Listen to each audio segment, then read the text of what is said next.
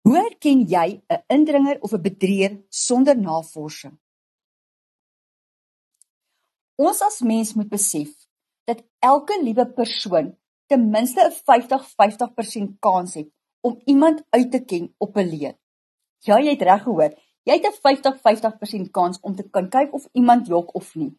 En dit kom terug na ek sê dit we've got this gut feeling. En ons het dit regtig want dit kom van ons programmering, ons ervaring en dit hoe ons die lewe sien wat ons optel of dit dalk die waarheid kan wees en of dalk 'n leuen kan wees.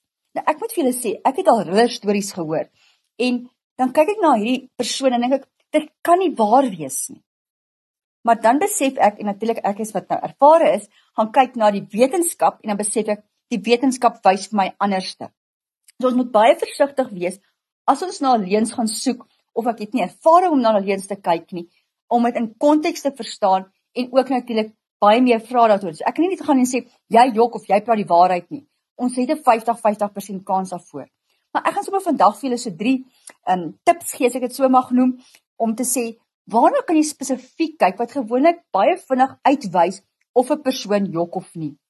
Nou, weer eens, jy moet dit in konteks sien. Ek kan nie vir jou sê vat hierdie drie punte sit op jou uh, die persoon wat jy lief vir is of 'n kollega en as daai drie nie daar is dan jok nie. Hoe genaamd nie. Maar dit is gewoonlik net drie goed wat ons as mens net self kan toepas. Die eerste ene is die die moontlike waarheidstorie. Ons moet onsself afvra.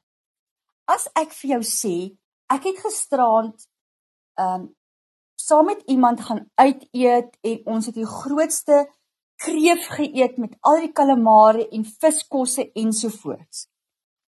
Nou as jy my ken, gaan jy weet ek is nie so lief vir viskosse nie. Die enigste viskos wat ek eet is prons. En nou gaan ek terug en dan sê ek, maar ek het nou al hierdie kosse geëet. Jy ken my. Wat is die moontlikheid dat ek dit sou geëet het? Nou moet jy weet, ek is besig om 'n storie te versin en nou kan jy miskien vra vra oor hoekom wil ek daai storie vir jou vertel. Maar Hier is die. So die eerste ding is ons moet na die moontlikheid van die storie kyk. Die tweede ding is moet ek met hierdie persoon gesels en kyk hoe die manier hoe hy gewoonlik of sy gewoonlik met my praat, hoe verander dit? As dit heeltemal anders is hoe hy gewoonlik praat, moet ek begin vra vra en sê dit wat hy my nou vertel is dit die waarheid. Die derde ding is moet ons baie keer kyk of hulle emosionele toestand verander het terwyl hy my hierdie storie vertel het. En dit is bedoelende hulle word baie meer aggressief as om my storie vertel al dan nie. So hier is net so drie tips om te kyk sonder navorsing na mense wat jok.